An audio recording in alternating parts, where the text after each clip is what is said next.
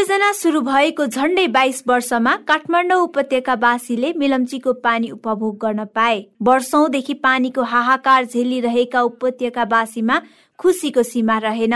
तर अभागीले खाने बेलामा हावाहुरी चल्छ भने झै मेलम्ची नदीमा असार एक र सोह्र गते आएको बाढीले मेलम्चीको पानी पिउने काठमाडौँवासीको सपनालाई मात्र चार महिनामा अन्धकारमा धकेलिदियो। उपत्यकावासी अहिले पुनः पिउने पानीको पुरानै समस्या झेल्दैछन्। शर्मिला प्रजापति र शङ्खनारायण प्रजापति। खै हामी पानीको त्यति समस्या छैन। मिरन्चीको पानी आएको बेलामा अलिक बढी आउनु थालेको थियो अस्ति। अहिले चाहिँ धाराको पानी आउँछ। हप्ताको एकचोटि आउँछ। दुई तिन घन्टा आउँछ मजाले।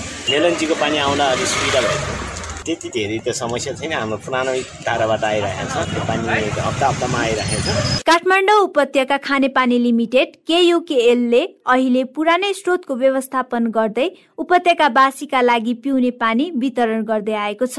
तर आवश्यकता पूरा हुन सकिरहेको छैन।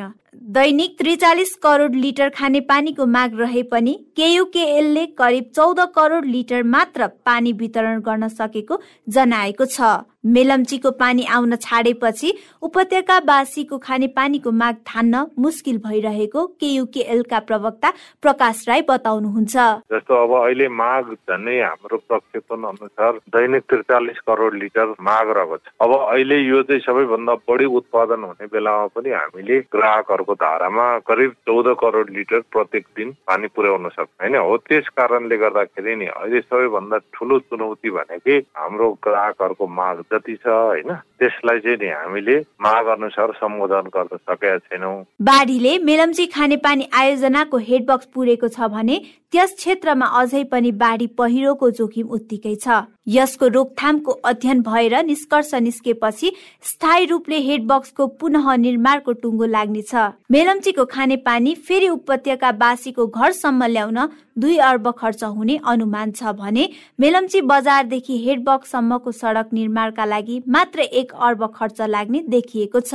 आयोजनाका सूचना अधिकारी राजेन्द्र प्रसाद पन्त वर्षातका कारण तत्काल आयोजना बन्ने सम्भावना कम रहेको बताउनुहुन्छ। ठुलो क्षति भएको अवस्थामा चाहिँ अब समय लाग्नेछ भन्ने। गर्नुपर्ने थुप्रै कामहरू छ। तैपनि हामीले चाहिँ जति सक्दो होइन चाँडो चाहिँ अस्थायी रूपमै पानी ल्याउन चाहिँ प्रयास गरिरहेको चार महिना मात्रै भए पनि उपत्यकावासीको मेलम्ची खाने पानीको वर्षौंदेखिको सपना पूरा भएको थियो।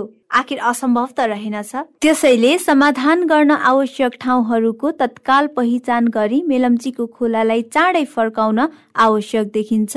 तत्काल तदारुकता देखाउने कि सरकार? रेडियो क्यान्डिडका लागि मरियम भट्टराई।